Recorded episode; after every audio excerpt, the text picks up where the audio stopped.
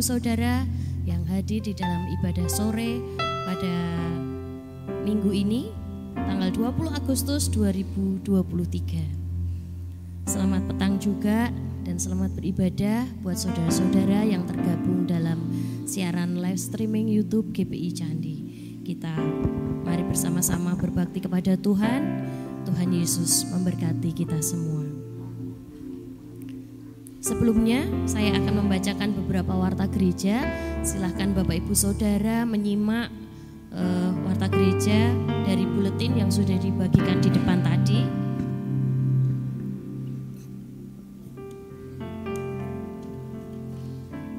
Untuk pembacaan Alkitab sepekan dan para petugas uh, pekan depan, bisa Bapak Ibu perhatikan di dalam buletin yang sudah dibagikan.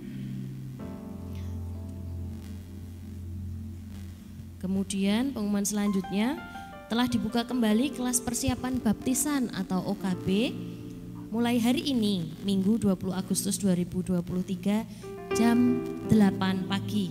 Silahkan Bapak Ibu bisa bergabung di dalamnya. Eh, OKB ini diadakan di kantor gereja. Bagi jemaat yang siap dibaptiskan dan mengambil keputusan untuk percaya Tuhan Yesus, silahkan bisa hadir. Persekutuan PBI GBI Candi diadakan pada hari Selasa tanggal 22 Agustus 2023 jam setengah 7 malam di Aula Gereja dengan petugas firman Tuhan yaitu Pendeta Eko Kurniadi MTH dan pemimpin acaranya Pendeta Jody dan segenap kaum pria diundang untuk hadir. Malam ini kita juga akan mendengarkan paparan dan juga dari PKMB untuk acara kebaktian Padang kepada, saudara Wanda kami persilahkan.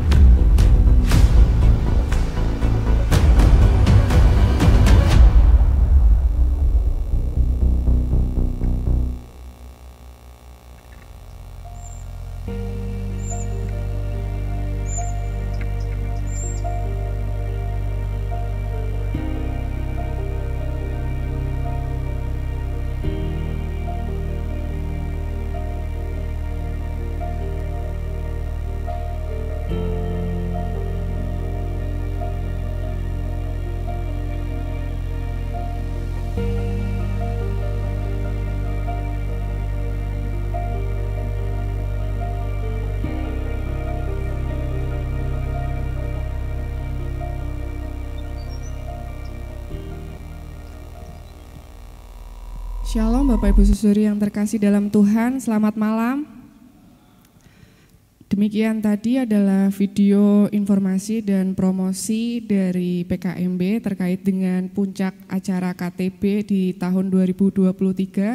Kita akan mengadakan kebaktian Padang yang diselenggarakan pada tanggal 28 September 2023 di Rivermoon Klaten. Adapun tema yang kami usung yaitu fellowship, gospel, dan disciple. Kami berharap melalui acara ini kaum muda Gereja Baptis Indonesia Candi dapat terus bertumbuh, kami semakin dekat dengan Tuhan dan kami juga bisa membangun persekutuan yang karib satu dengan yang lainnya dan terlebih kami bisa menjadi saksi Kristus di mana pun kami berada. Kami mohon dukungan doa, tenaga maupun dana dari Bapak Ibu Saudari bagi Bapak Ibu saudara-saudari yang rindu untuk berkontribusi mem, uh, mau berdonasi untuk acara kebaktian Padang PKMB nanti dapat menghubungi saudari Ella atau saudari Rosa atau bisa juga kepada saya saudari Wanda. Kita berharap supaya acara kebaktian Padang ini boleh berjalan dengan baik dan kami kaum muda dapat bersama-sama bertumbuh dan semakin serupa seperti Kristus seperti yang uh, menjadi tujuan dari PKMB di tahun ini. Terima kasih demikian paparan dari saya. Tuhan Yesus memberkati. Terima kasih Mbak Wanda.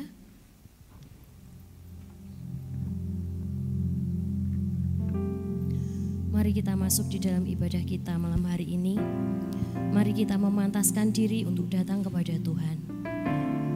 Satu kesempatan yang indah setelah uh, firman Tuhan nanti kita akan mengikuti upacara perjamuan Tuhan. Mari bersiap, mempersiapkan hati dan juga pikiran kita untuk datang kepada Tuhan. Mazmur 144 ayat yang ke-9 berkata, Ya Allah, aku hendak menyanyikan nyanyian baru bagimu. Dengan gambu sepuluh tali, aku hendak bermasmur bagimu. Biarlah pujian dan penyembahan kami ya Tuhan, jadi persembahan yang harum dan manis kau dengar.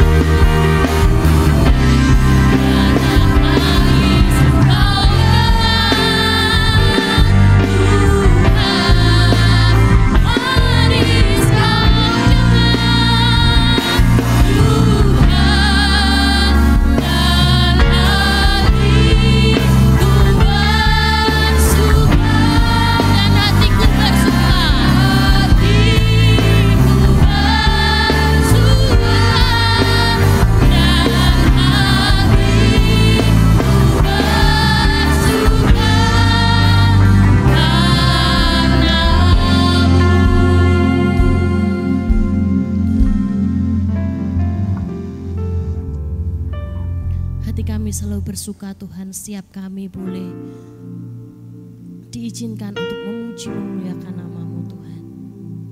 Dan kami boleh merenungkan setiap perkataan Tuhan dalam hidup kami. Terima kasih Tuhan, terima kasih Yesus untuk setiap penyertaan yang boleh kami rasakan dan nikmati Tuhan di sepanjang kehidupan kami hingga petang hari ini Tuhan. Kami mengucap syukur dan sungguh bangga Tuhan memiliki Allah seperti Engkau ya Bapak. Terima kasih Tuhan, terima kasih untuk nafas hidup yang boleh Engkau berikan buat kami. Sehingga kami malam hari ini boleh berkumpul, memuji, memuliakan namamu dan berbakti kepadamu Tuhan. Layakkan kami Bapa, layakkan kami supaya kami boleh pantas untuk menikmati hadirat Tuhan malam hari ini Tuhan. Ampuni segala dosa dan pelanggaran kami Tuhan yang sudah kami lakukan, yang sudah mendukakan hati Tuhan. Dengan kerendahan hati kami Tuhan, kami minta pengampunan daripadamu Bapa. Kami siap Tuhan malam hari ini menikmati hadirat Tuhan. Kami siap memuji dan memuliakan namamu Tuhan. Pakai anak-anakmu yang malam hari ini ambil bagian di dalam pelayanan Tuhan. Biarlah namamu saja yang dipermuliakan. Dan persiapkan kami untuk mengikuti ibadah kami dan juga upacara perjamuan Tuhan nanti Tuhan. Terima kasih Bapak, terima kasih. Kami siap beribadah malam hari ini Tuhan. Di dalam namamu Yesus kami ucap syukur dan berdoa. Amin. Saya undang Bapak Ibu Saudara untuk bangkit berdiri. Mari kita bersiap untuk memuji nama Tuhan.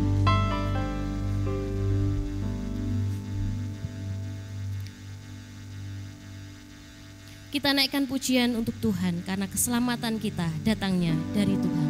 Tiba saatnya kami berkumpul bersatu. Garis genap syukur.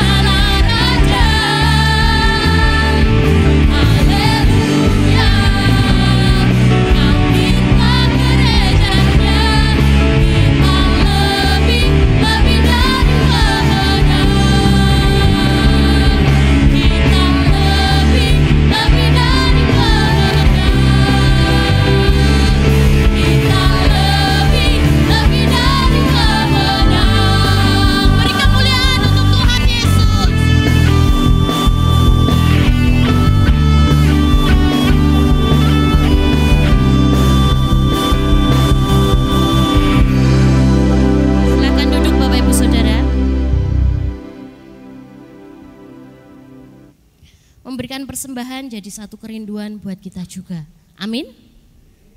Tiba saatnya kita akan memberikan persembahan.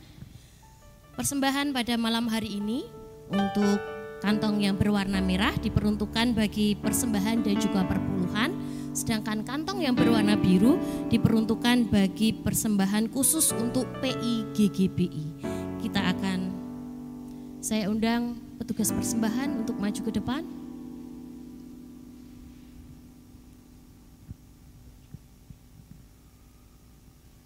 Kita akan bersiap memberikan persembahan, namun sebelumnya kita akan berdoa bersama-sama. Saudari Lesna akan memimpin kita di dalam doa. Bapa di surga, terima kasih atas kasih-Mu dalam kehidupan kami. Pada sore hari ini Tuhan Yesus kami boleh berkumpul bersama beribadah di tempat-Mu. Terima kasih Tuhan pada kesempatan ini kami akan memberikan persembahan Tuhan memberkati setiap tangan-tangan yang memberi dan setiap tangan-tangan yang belum bisa memberi Tuhan Yesus. Kiranya persembahan kami ini menjadi persembahan yang boleh bermanfaat untuk memperluas kerajaan-Mu. Terima kasih Tuhan Yesus, di dalam namamu kami telah berdoa dan mengucap syukur. Amin. Amin. Sukai sukacitamu akan mengiring kita di dalam memberikan persembahan malam hari ini.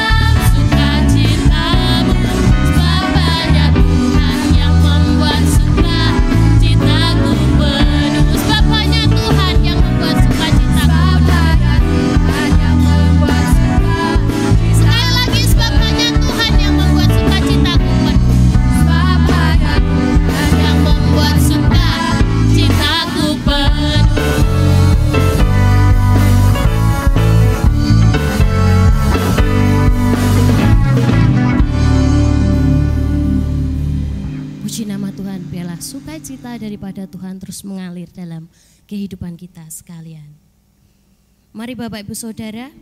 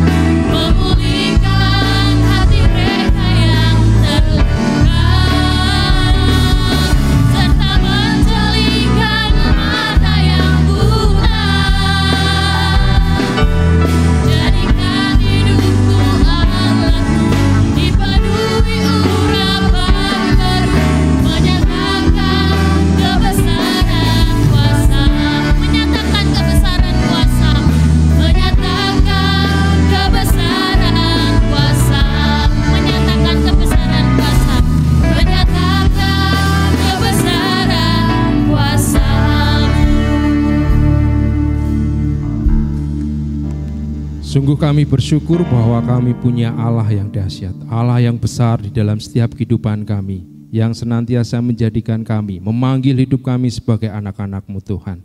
Terpujilah namamu Allah yang Esa, yang kami sembah di dalam Yesus Kristus Tuhan dan Juru Selamat kami yang menyelamatkan hidup kami, menjadikan kami keluarga-keluarga kerajaan Allah. Pada malam hari ini ya Tuhan Yesus kami siap mendengarkan kebenaran firman-Mu, kami siap mendengar dan kami siap diubah, dibentuk, supaya hidup kami berjalan dalam terang kasih Tuhan dan mengerti tentang apa yang harus kami kerjakan sebagai umat pilihan Tuhan.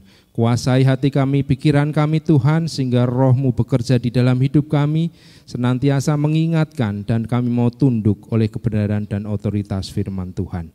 Terpujilah namamu kekal selamanya, haleluya. Amin. Dipersilakan duduk Bapak Ibu Saudara yang dikasih Tuhan. Selamat malam, Shalom. Mari kita membuka Alkitab kita dalam 1 Korintus 9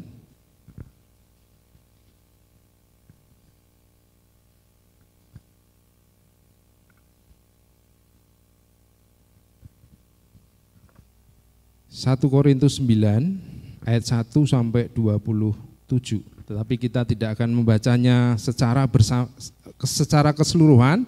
Saya akan hanya mengambil beberapa poin yang akan saya khotbahkan pada malam hari ini. Bapak Ibu yang dikasih Tuhan, saya memberi tema khotbah saya adalah belajar penginjilan dari Paulus. Diambil dari 1 Korintus 9 ayat 1 2 sampai 27. Minggu yang lalu saya bicara tentang bagaimana kita dapat belajar menginjili, mencari orang yang terhilang seperti Yesus. Tetapi pada malam hari ini kita mau belajar bagaimana Rasul Paulus menginjili orang-orang untuk kenal dengan Tuhan dan hidup mereka diperbarui dan diselamatkan oleh karena kekuatan Allah. Bapak Ibu yang dikasih Tuhan dalam konteks 1 Korintus 1 ayat 1 sampai 27 Rasul Paulus sedang memberikan pembelaan pada dirinya bahwa ia adalah seorang rasul dan punya tanggung jawab hak dan kewajiban. Tetapi ia tidak menggunakan haknya itu, tetapi lebih bersuka cita karena diberi kesempatan Tuhan untuk dapat mewartakan kasih dan anugerah Tuhan. Bapak Ibu yang dikasih Tuhan bahwa Memberitakan Injil adalah tugas kita semua. Seperti tema kita bulan ini bahwa mencari yang terhilang, mencari orang-orang yang terhilang. Dan satu poin yang ingin saya sampaikan bahwa ada dua prinsip hidup atau dua tip dan trik ya yang dapat Rasul Paulus berikan pada kita untuk bagaimana kita bisa menginjili, bagaimana kita bisa menyelamatkan orang yang terhilang, bagaimana kita punya belas kasihan dan bagaimana kita bisa berjuang sekuat tenaga untuk dapat menyelamatkan orang yang terhilang. Prinsip yang pertama yang Rasul Paulus miliki adalah bahwa memberitakan Injil itu adalah keharusan. Di ibadah kedua tadi sudah disinggung oleh pendeta Eko, seperti apa yang dikatakan oleh Yesus bahwa ia harus melintasi Samaria. Ketika ia dari uh, mau ke ke Galilea, ia harus melintasi sama Samaria. Suatu keharusan. Dan Rasul Paulus mengatakan bahwa memberitakan Injil adalah sebuah keharusan. Mari kita lihat ayat ke-16 Bapak Ibu Saudara sekalian. 1 Korintus 9 ayat 16 sampai 17 kita baca bersama-sama. Sudah ketemu ya 1 Korintus 9 ayat 16 sampai 17. Siapkan Alkitab HP Bapak Ibu Saudara sekalian, kita mau baca sama-sama. Ayat 16, 1 2 3. Karena tekan Injil, aku tidak mempunyai alasan untuk memegahkan diri, sebab itu adalah keharusan bagiku. Celakalah aku jika aku tidak memberitakan Injil. 17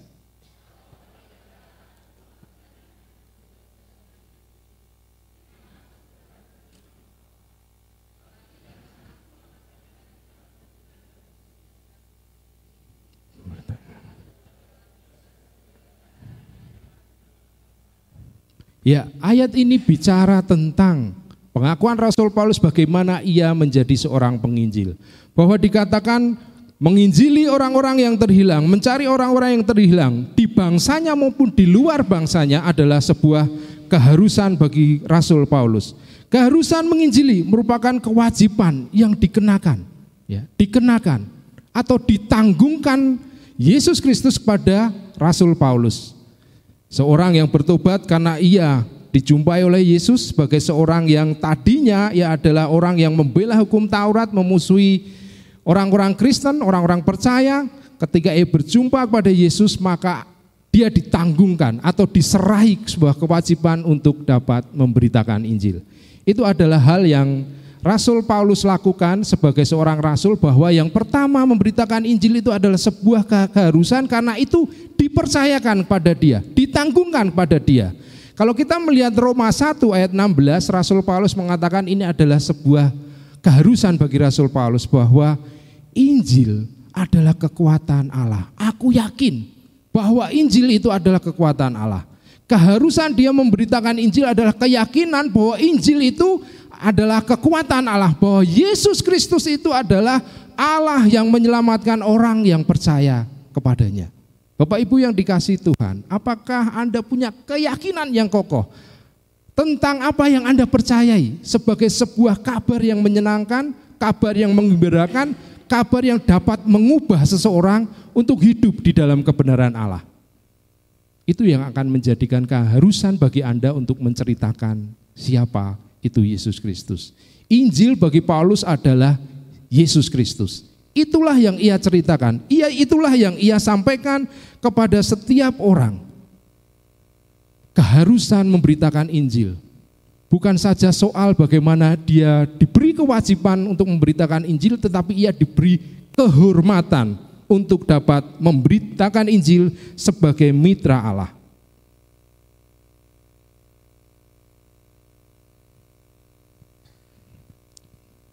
Bagi Paulus memberitakan Injil adalah kehormatan, kesempatan. Tetapi itu bukan sesuatu yang ia sombongkan. Itu bukan sesuatu yang ia harus megahkan Bapak Ibu Saudara sekalian karena kemampuannya dalam memberitakan Injil supaya orang lain diselamatkan bukan berasal dari dirinya. Yang dia banggakan adalah kesempatan untuk diberi kepercayaan memberitakan Injil dan membuat banyak orang diselamatkan. Itu adalah kegembiraan, kesukacitaan bagi seorang yang mengikut Kristus. Bahwa orang-orang yang tadinya berjalan dalam kesesatan, berjalan dalam hukuman yang kekal, tetapi mereka dapat berbalik kembali, berbalik dalam pertobatan, percaya kepada Kristus dan diselamatkan. Keharusan yang pertama bagi Rasul Paulus, tetapi ia juga menasehati jemaat di Korintus bahwa keharusan memberitakan Injil itu adalah tiap-tiap orang, bukan hanya satu orang, bukan hanya soal gembala, bukan hanya soal misionaris, bukan soal pemimpin-pemimpin gereja, tetapi setiap orang. Mari kita perhatikan ayat ke-25 Bapak Ibu Saudara sekalian. Ayat 25 ini bicara keharusan untuk tiap orang dapat memberitakan Injil. Saya akan membacakan 25 sampai 27 Bapak Ibu Saudara sekalian. 25 saya bacakan, 26 kaum wanita, 27 kaum pria, gitu ya. Saya membacakannya di ayat 25, tiap-tiap orang yang turut mengambil bagian dalam pertandingan menguasai dirinya dalam segala hal. Mereka berbuat demikian untuk memperoleh suatu mahkota yang fana, tetapi kita untuk memperoleh suatu mahkota yang abadi. Kaum perempuan 26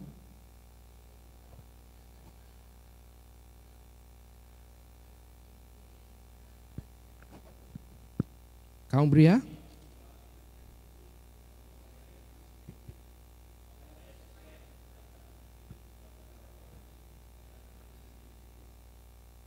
Dikatakan bahwa tiap-tiap orang, bukan satu orang, bukan tunggal, tetapi jamak. Tiap-tiap orang yang mengambil bagian dalam pertandingan. Artinya setiap kita, orang-orang yang dipanggil, yang diberi kesempatan, kepercayaan, kehormatan untuk menyampaikan rahasia yang sudah dibuka oleh karena selubung Allah dibuka di dalam Yesus Kristus menjelma manusia sebagai hal yang perlu kita beritakan kepada setiap-tiap orang.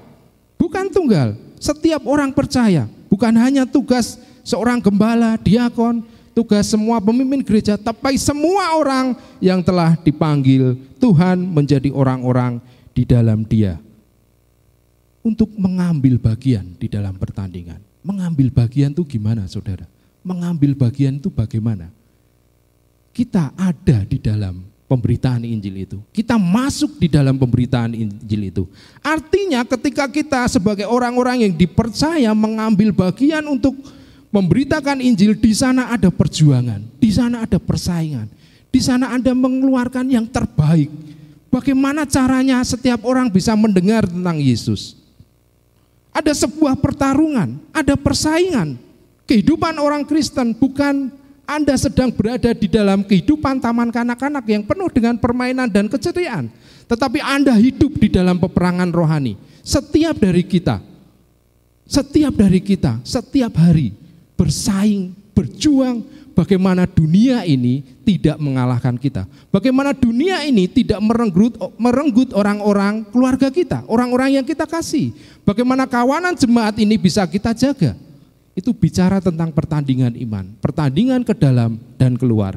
Ketika Rasul Paulus menceritakan dalam konteks 1 Korintus 9, dia berkata, ketika aku menjadi orang Yahudi, aku seperti orang Yahudi yang hidup di bawah hukum Taurat, padahal aku hidup di dalam hukum kasih karunia Allah. Tetapi di luar orang Yahudi, orang yang lemah, aku seperti orang yang lemah, yang dapat menguatkan motivasi. Artinya bicara tentang memberitakan Injil itu dalam pertandingan iman itu ke dalam dan keluar. Pertandingan iman ke dalam dan keluar. Ada dua hal yang perlu kita ketahui. Bahwa keharusan itu harus kita sampaikan di dalam kehidupan keluarga kita, di dalam kehidupan berjemaat, tetapi kita juga pergi keluar pada orang-orang yang belum mengenal Tuhan. Karena hidup ini adalah pertempuran rohani Orang-orang di sekitar kita bisa menjadi terhilang. Anak-anak kita bisa besar meninggalkan Tuhan. Mereka menjadi orang-orang yang rentan terhadap bagaimana dunia mendidik mereka. Apakah kita sebagai keluarga, apakah kita sebagai orang-orang dalam kawanan kawanan gembala Allah, kawanan gereja Tuhan yang ada di tempat ini memperhatikan, saling mendidik, saling melatih, berjuang sekuat tenaga supaya mereka dididik dan dilatih untuk di jalan di jalan Tuhan, Bapak Ibu Saudara sekalian. Berapa banyak anak-anak kita, anak-anak perempuan kita yang terambil, anak laki-laki kita yang terambil. Berapa banyak jemaat di gereja kita yang terambil dan menjadi terhilang. Penginjilan, keharusan itu bicara tentang ke dalam dan keluar. Ke dalam kita mempertahankan orang-orang yang telah diselamatkan untuk tetap teguh di dalam Tuhan. Untuk dapat hidup teguh di dalam Tuhan, setia ke dalam Tuhan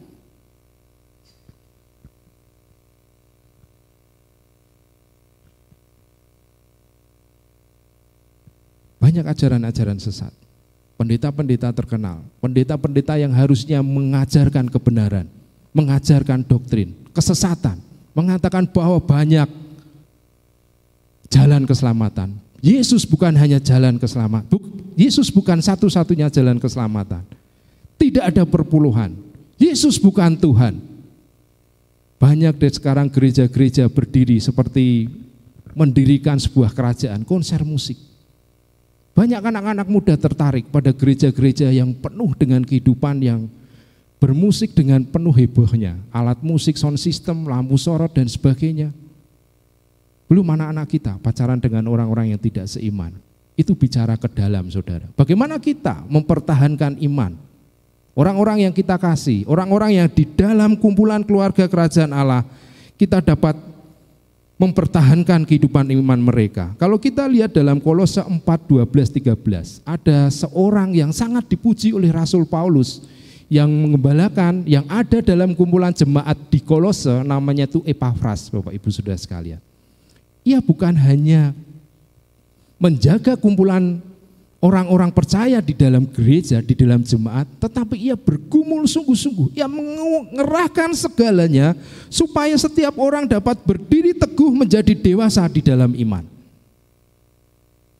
Paulus sangat memuji Epaphras sebagai orang yang bergumul dalam doanya untuk kamu supaya kamu berdiri teguh sebagai orang-orang yang dewasa yang berkeyakinan penuh dengan segala hal yang dikendaki Allah Sebab aku dapat memberi kesaksian tentang dia bahwa dia sangat bersusah payah untuk kamu, untuk mereka yang di Laodikia Hierapolis. Apakah Anda sebagai orang-orang yang dipercaya menjaga kawanan domba Allah, orang-orang yang telah dipanggil Allah, benar-benar sudah berjuang sekeras tenaga, memberikan yang terbaik supaya kumpulan Orang-orang yang kita kasih, keluarga-keluarga kita, anak-anak kita, istri-istri kita, suami-suami kita berdiri teguh di dalam Tuhan.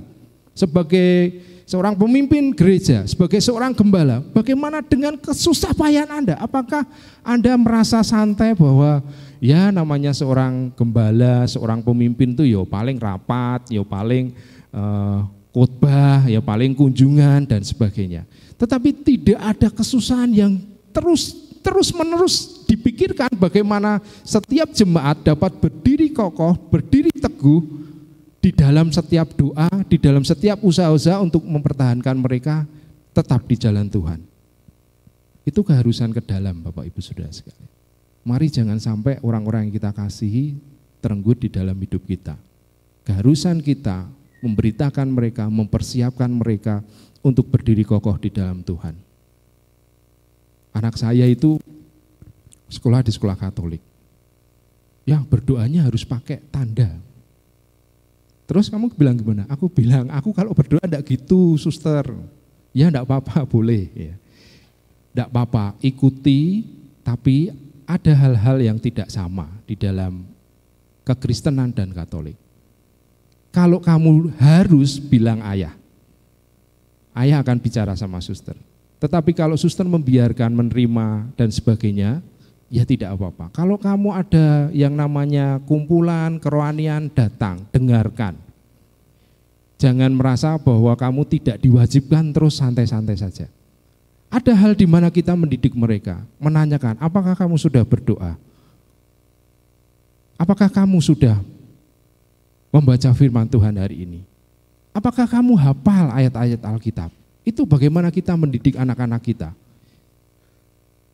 Guru les matematika dia bicara begini, Bapak, Bapak itu pandai, tapi dia tidak fokus. Mengapa tidak fokus? Mungkin di dalam kesehariannya sering pegang HP ya Pak. Iya Bu, tapi memang saya batasi. Tapi kalau saya tidak di rumah ya saya tidak tahu. Saya bisa ngontrol jarak jauh. Pak tolong dibatasi. Saya kasih PR dia untuk dua hari setelah dia les tidak boleh pegang HP. Supaya konsentrasinya, fokusnya dapat. Seringkali kita seperti itu Bapak Ibu Saudara. Seringkali kita tidak fokus terhadap pendidikan anak-anak kita. Kita tidak memperhatikan mereka. Apakah anak-anak punya keterbukaan menceritakan segala hal yang dialami? Dan bagaimana tanda tanggapan kita, tanggapan kerohanian kita untuk dapat membuat anak mengerti bahwa mereka sedang ada di dalam Tuhan. Bagaimana kita mendidik mereka? Keharusan menyelamatkan orang-orang yang terdekat pada kita, keluarga kita, jemaat, orang-orang yang ada di gereja kita. Yang kedua Bapak Ibu, keharusan itu bicara tentang keluar. Bicara tentang keluar. Roma 10 ayat 13 sampai 15. Mari kita buka Bapak Ibu Saudara sekalian. Roma 10 ayat 13 sampai 15. Ini keharusan menyampaikan Injil keluar kepada orang-orang yang belum mengenal Kristus, pada orang-orang yang perlu diselamatkan. Mari kita lihat. Saya akan bacakannya bagi Bapak Ibu Saudara sekalian. Roma 10 13 sampai 15. Sebab barang siapa yang berseru kepada nama Tuhan akan diselamatkan. Tetapi bagaimana mereka dapat berseru kepadanya jika mereka tidak percaya kepada dia? Bagaimana mereka dapat percaya kepada dia jika mereka tidak mendengar tentang dia? Bagaimana mereka mendengar tentang dia jika tidak ada yang memberitakannya? Dan bagaimana mereka dapat memberitakannya jika mereka tidak diutus? Seperti ada tertulis betapa indahnya kedatangan mereka yang membawa kabar baik. Keharusan kita memberitakan Injil, memberitakan Yesus keluar. Apakah Bapak Ibu Saudara sekalian ngobrol dengan tetangga Anda, menyisikan menyisihkan kata-kata tentang Yesus atau obrolan-obrolan kita sering kali hanya bersifat candaan, bullying atau sesuatu yang bersifat bersifat guyonan, bersifat tentang pekerjaan dan sebagainya. Padahal Anda punya waktu, punya waktu untuk menyampaikan siapa itu Yesus. Kalau Anda punya keyakinan yang kokoh bahwa Yesus dapat menyelamatkan orang itu, biarlah Anda punya belas kasihan untuk menyelamatkan dia. Orang-orang di sekitar kita, tetangga kita, perlu mendengar hal ini Bapak Ibu Saudara sekalian. Dalam obrolan-obrolan kita tiap hari, yang bapak-bapak kumpul, bapak-bapak, yang ibu-ibu jangan hanya bicara tentang gosip dan arisan, Bapak-bapak jangan bicara tentang kesenangan-kesenangan seorang ayah, kesenangan seorang kesenangan seorang laki-laki seperti Anda senang menceritakan anak Anda yang berprestasi. Apakah Anda juga senang menceritakan Kristus yang mengubah hidup Anda? Apakah Anda dikenal sebagai orang-orang yang punya kepedulian terhadap lingkungan Anda atau Anda dikenal sebagai orang-orang Kristen yang egois yang tidak pernah hidup memberikan yang terbaik di dalam lingkungan Bapak Ibu Saudara sekalian. Banyak orang-orang Kristen itu terlalu sibuk dengan kehidupan keagamaan mereka sehingga mereka tidak punya waktu untuk memberitakan pada orang-orang di sekitar mereka. Selalu saja alasannya rohani awak, rohani. Ah saya ada acara di gereja Masuk tiap hari di gereja yo ngapain saudara? Untuk datang dalam pertemuan sebulan sekali atau datang dalam pos ronda sebulan sekali atau seminggu sekali, alasannya saja masih dibuat-buat. Bagaimana kita bisa menceritakan tentang Yesus? Bagaimana itu menjadi keyakinan yang kokoh di dalam diri Anda kalau Anda tidak pernah menceritakan hal tersebut? Yesus berbagi tentang air yang hidup air yang mentahirkan, air yang menyelamatkan, air yang membasuh setiap orang supaya dahaga mereka hilang. Supaya mereka memancarkan keluar air itu. Air itu bicara tentang roh kudus. Bicara roh kudus yang menyelamatkan, yang menginsafkan dunia ini. Bapak ibu saudara sekalian kita dapat belajar pada Yesus dan pada Paulus bagaimana menginjili orang-orang di sekitar kita. Keharusan itu bicara tentang kita memberitakan Injil ke dalam keluarga-keluarga kita, orang-orang yang kita sayangi, yang kita rindu suatu saat mereka dapat berkumpul bersama saya di surga. Bukan hanya senang aja kumpul di sini, tetapi lihatlah bahwa mereka perlu untuk berkumpul di surga bersama saya. Karena ia adalah saudara saya, karena ia adalah orang tua saya, karena ia adalah menantu saya, karena ia adalah mertua saya. Jadi itu hal yang perlu kita tanamkan. Kita perlu melihat ada belas kasihan di dalam hidup mereka bahwa mereka sedang berjalan di dalam kesesatan. Aplikasi dari contoh yang pertama ini, Bapak Ibu Saudara sekalian, ini adalah perintah. Perintah yang diwajibkan pada engkau. Tiap-tiap orang ditanggungkan. Mari kita mengambil mengambil bagian dalam pertandingan iman ini Bapak Ibu Saudara sekalian. Jangan tutup telinga Anda Jangan malas dengar berita khotbah selama satu bulan ini aku dikhotbahi, kok menginjili. Kalau Anda malas menginjili pasti ada satu hal. Anda menganggap bahwa penginjilan itu bukan keharusan, yang kedua bahwa Anda tidak yakin tentang keselamatan yang Anda miliki. Anda tidak yakin bahwa Yesus itu menyelamatkan Anda, memberikan Anda yang terbaik di dalam hidup Anda saat ini dan saat yang akan datang di dunia yang baru. Keharusan itu bagi Paulus harus dikerjakan. Karena itu ditanggungkan, diwajibkan kepada setiap orang yang dipanggil yang telah diselamatkan. Jangan tutup telinga kita Bapak Ibu Saudara sekalian, kerahkan tenagamu, kerahkan yang terbaik dalam hidupmu. Jangan patah semangat jika Anda ditolak. Jangan patah semangat putus asa ketika orang tidak menanggapi apa yang Anda sampaikan. Jangan patah semangat. Yang kedua Bapak Ibu Saudara sekalian, Rasul Paulus mengatakan bahwa prinsip di dalam hidupnya ketika ia mau menginjili adalah bicara tentang penguasaan diri. Aku menguasai diri dalam segala hal. Ya. Dalam segala hal. Tiap-tiap orang yang turut mengambil bagian dalam pertandingan menguasai dirinya dalam segala hal. Prinsip yang kedua ini perlu ada di dalam hidup kita. Menguasai diri kita terus-menerus dikendalikan, dikuasai dalam segala hal supaya Injil dapat diterima oleh pendengarnya.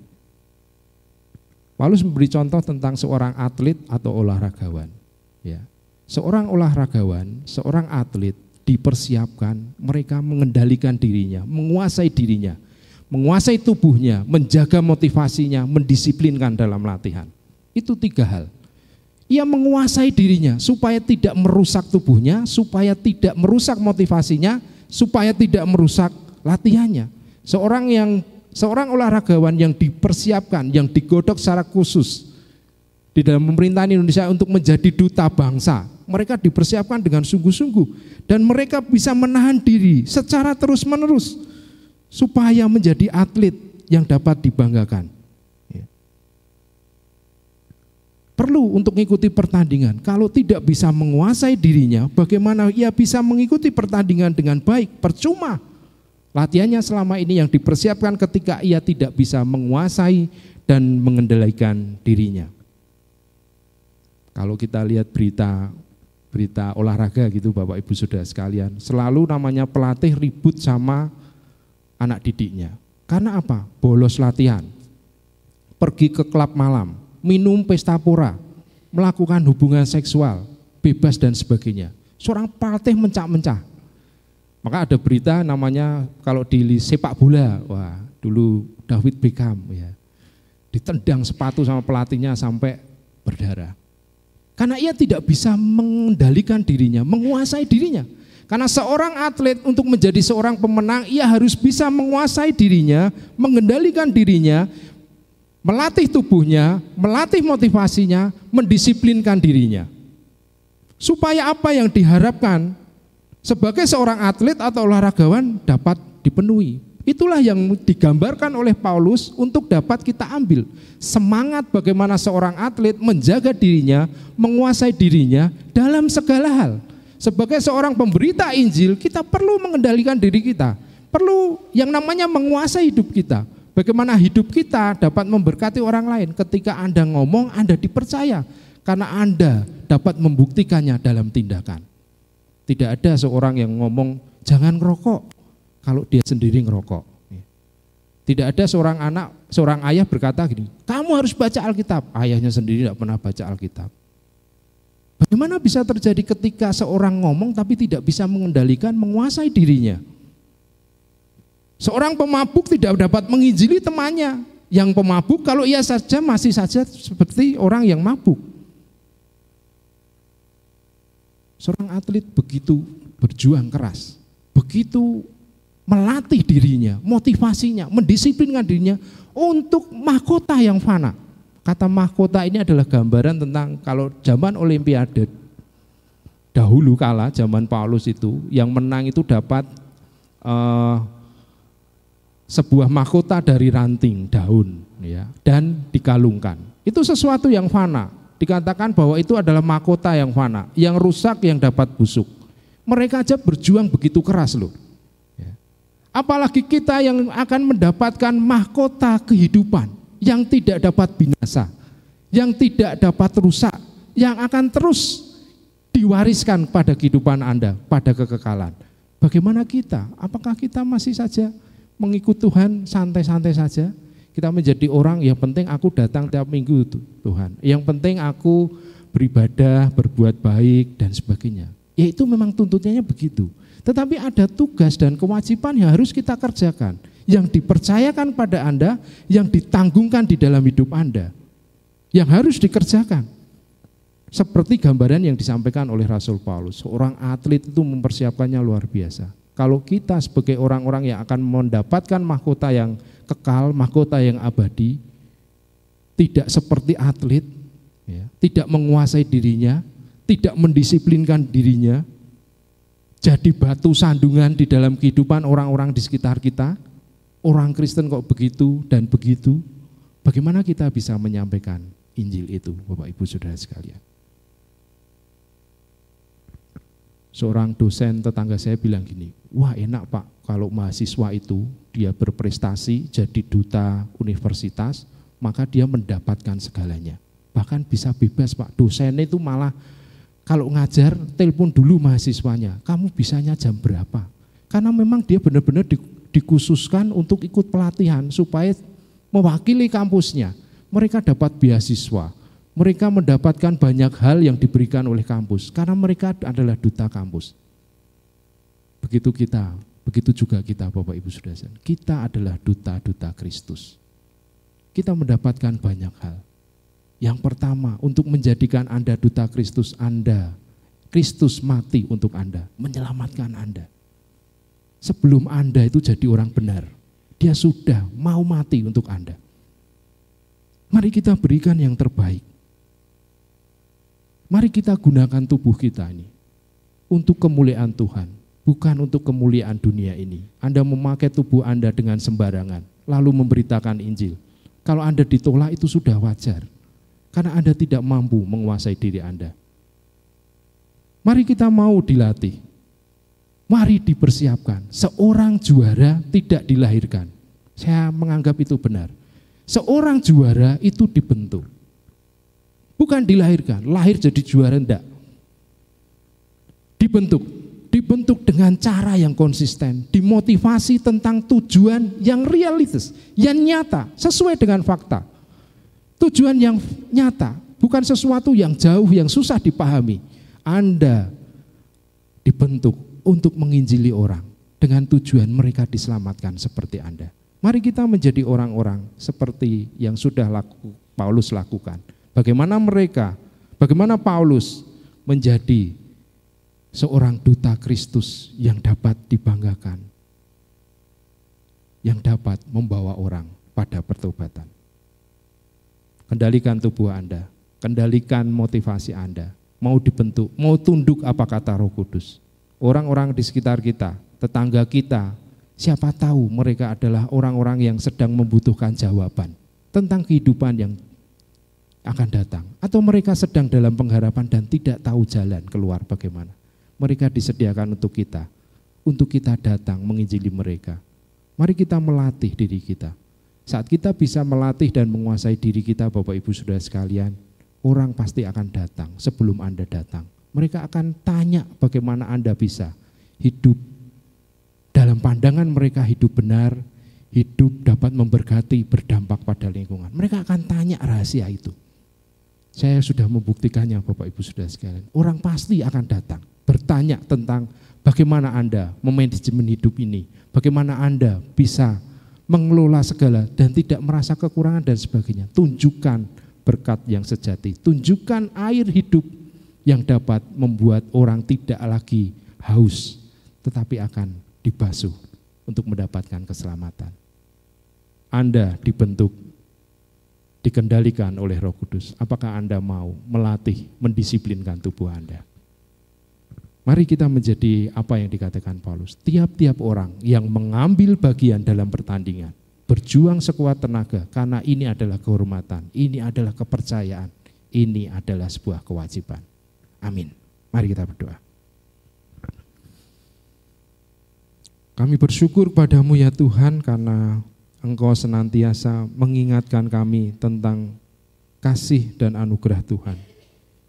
Engkau selalu mengingatkan kami akan bahaya, bahayanya dunia yang telah jatuh ini, yang terus saja berusaha untuk merebut orang-orang yang kami kasihi dalam kumpulan orang percaya.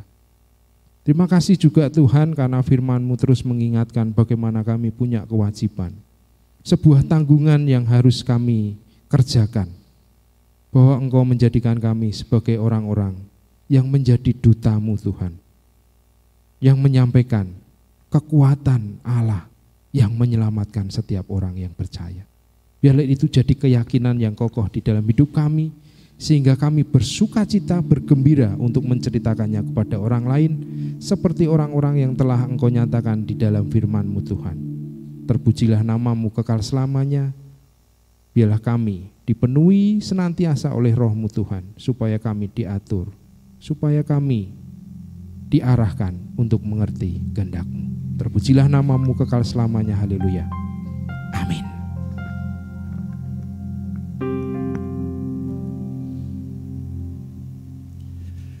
Baik, saudara-saudara kita akan masuki upacara perjamuan Tuhan. Saya minta pelayan perjamuan bisa menempatkan diri.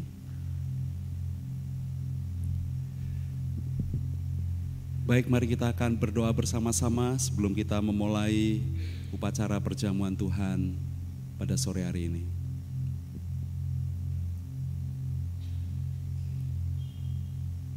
Bapa di dalam surga, kami mohon pimpinan dan anugerah Tuhan saat kami mengingat akan pengorbanan Tuhan Yesus Kristus di atas kayu salib menjadi Tuhan yang menanggung, menebus dosa kami dan perintahmu untuk kami meneruskan perjamuan Tuhan ini untuk mengingat kasih setia Tuhan yang besar dan pengorbananmu bagi kehidupan kami. Dan kami memberitakan akan kasih Tuhan kepada dunia yang belum mengenal Tuhan. Kami mohon urapanmu, penyertaanmu, di dalam nama Tuhan Yesus Kristus kami berdoa. Amin.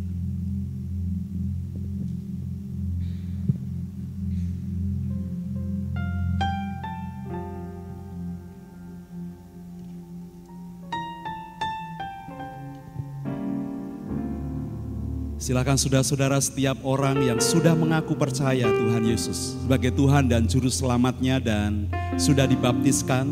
Meskipun saudara bukan anggota Gereja Baptis Indonesia Candi, silakan saudara mengambil perlengkapan perjamuan Tuhan.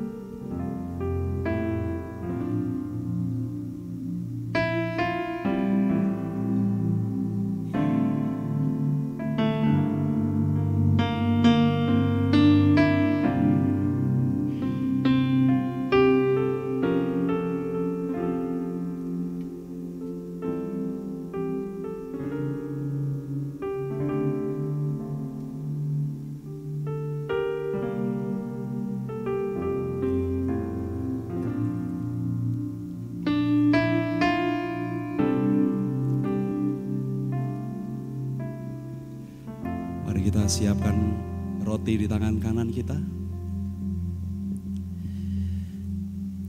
Dan ketika mereka sedang makan, Yesus mengambil roti, mengucap berkat, dan memecah-mecahkannya, lalu memberikannya kepada mereka murid-muridnya dan berkata, ambillah, makanlah, inilah tubuhku.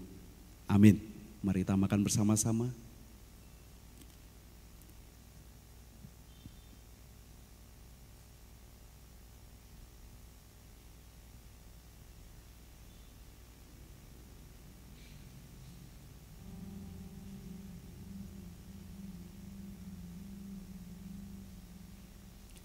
Saya minta Diakon Danu untuk bersyukur untuk tubuh Kristus yang sudah dipecahkan bagi kita.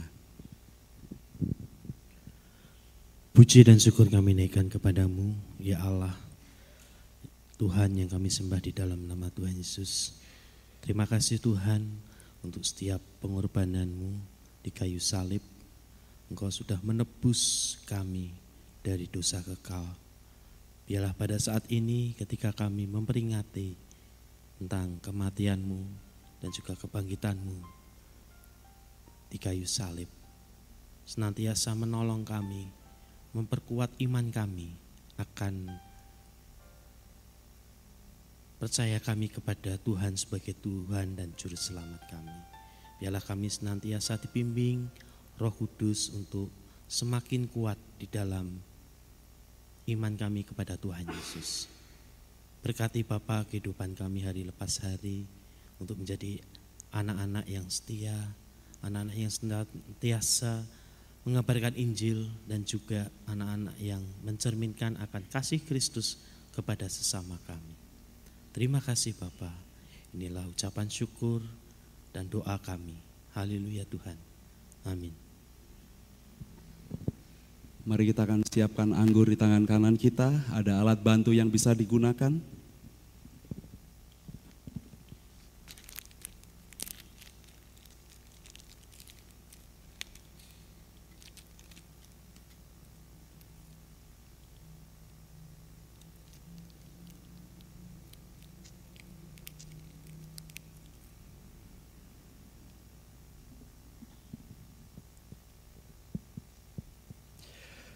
Sesudah itu ia mengambil cawan, mengucap syukur, lalu memberikannya kepada mereka dan berkata, Minumlah kamu semua dari cawan ini, sebab inilah darahku, darah perjanjian yang ditumpahkan bagi banyak orang untuk pengampunan dosa.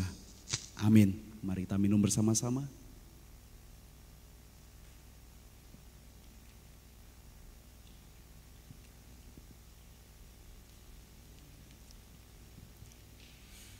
Diakon Junaidi akan bersyukur untuk darah Kristus yang sudah ditumpahkan bagi banyak orang untuk pengampunan dosa. Kami bersyukur kepadamu Tuhan bahwa kami Engkau beri kesempatan untuk kami dapat memperingati kembali, mengenang kembali akan karya kasih-Mu yang besar, darah yang tertumpah, bilur-bilur Tuhan, bilur-bilur-Mu Tuhan membasuh kami, menyembuhkan kami, menyelamatkan kami. Kami bersyukur punya Allah yang seperti Engkau yang datang, yang menyelamatkan kami, yang mau menggantikan hidup kami, menggantikan hukuman kami, sehingga kami menjadi anak-anakmu, sehingga kami mengerti terang yang sesungguhnya, supaya kami tidak berjalan dalam kegelapan. Terpujilah namamu, haleluya. Amin.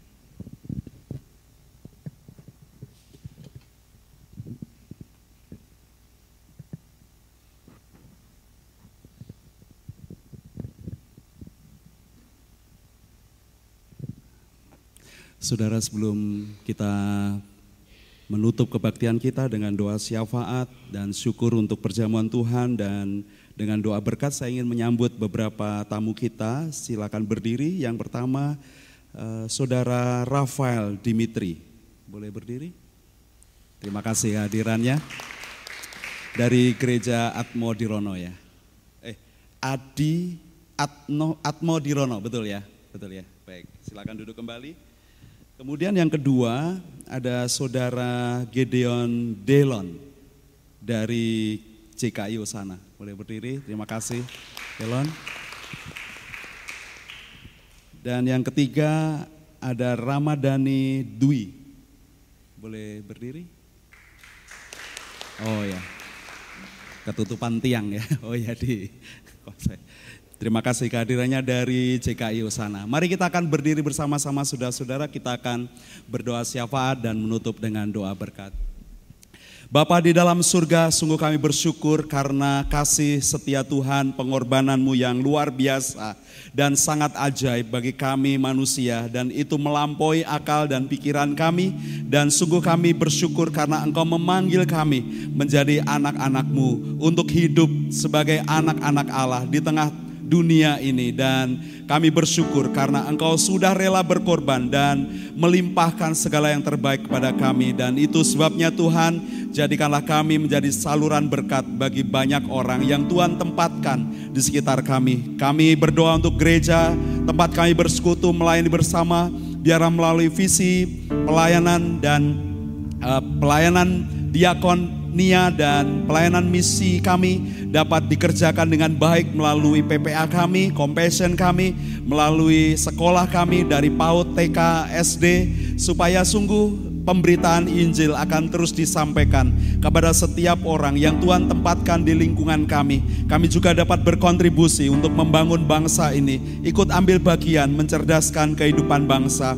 Kami juga dapat melakukan pekerjaan-pekerjaan sosial, pekerjaan-pekerjaan yang baik, tetapi lebih daripada itu supaya kami bisa menyampaikan akan kasih Kristus yang besar untuk menyelamatkan bangsa-bangsa. Pakailah dalam pelayanan kami, dalam pemuritan di gereja ini, dalam penyembahan kami, dalam kami menjadi saksi bagi Tuhan, dan di dalam kami uh, bersekutu bersama-sama supaya kami dikuatkan dalam Tuhan untuk bergandengan tangan menjangkau jiwa-jiwa, mencari dan menyelamatkan yang terhilang. Kami berdoa untuk bangsa kami, berkatilah para pemimpin-pemimpin kami dari tingkat pusat sampai dengan yang di daerah supaya pemerintahan kami dipakai oleh Tuhan untuk memberikan kesempatan bagi semua lapisan masyarakat Indonesia mendapatkan kesejahteraan, ada persamaan di hadapan hukum, ada keamanan, ada perlindungan, ada kesempatan untuk mendapatkan pekerjaan, ada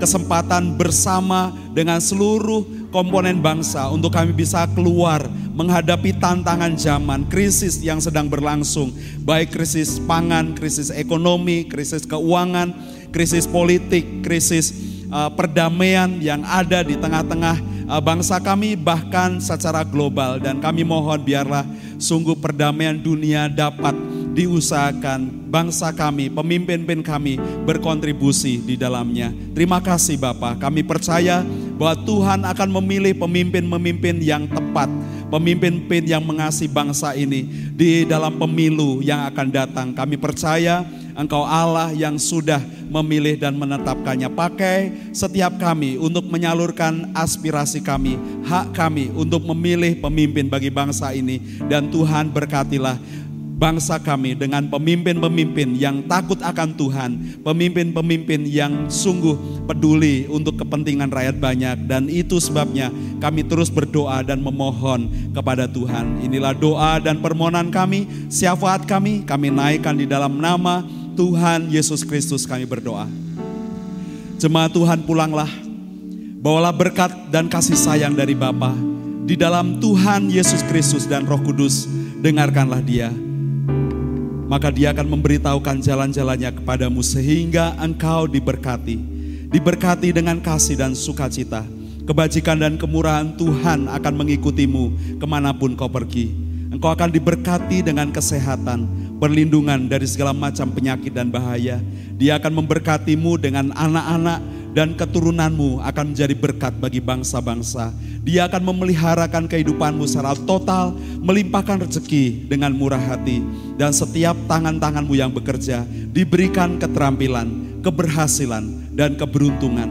Dan saksikanlah pada orang lain apa yang sudah Bapamu perbuat dalam kehidupanmu sehingga orang melihat perbuatan Bapamu yang baik, yang ajaib itu. Dan mereka juga menyembah Bapamu yang di sorga. Terima kasih Tuhan Yesus. Inilah ibadah kami korban syukur dan puji-pujian kami naikkan untuk engkau saja, Yesus Kristus, Kepala Gereja kami, dari sekarang sampai selama-lamanya. Haleluya. Amin.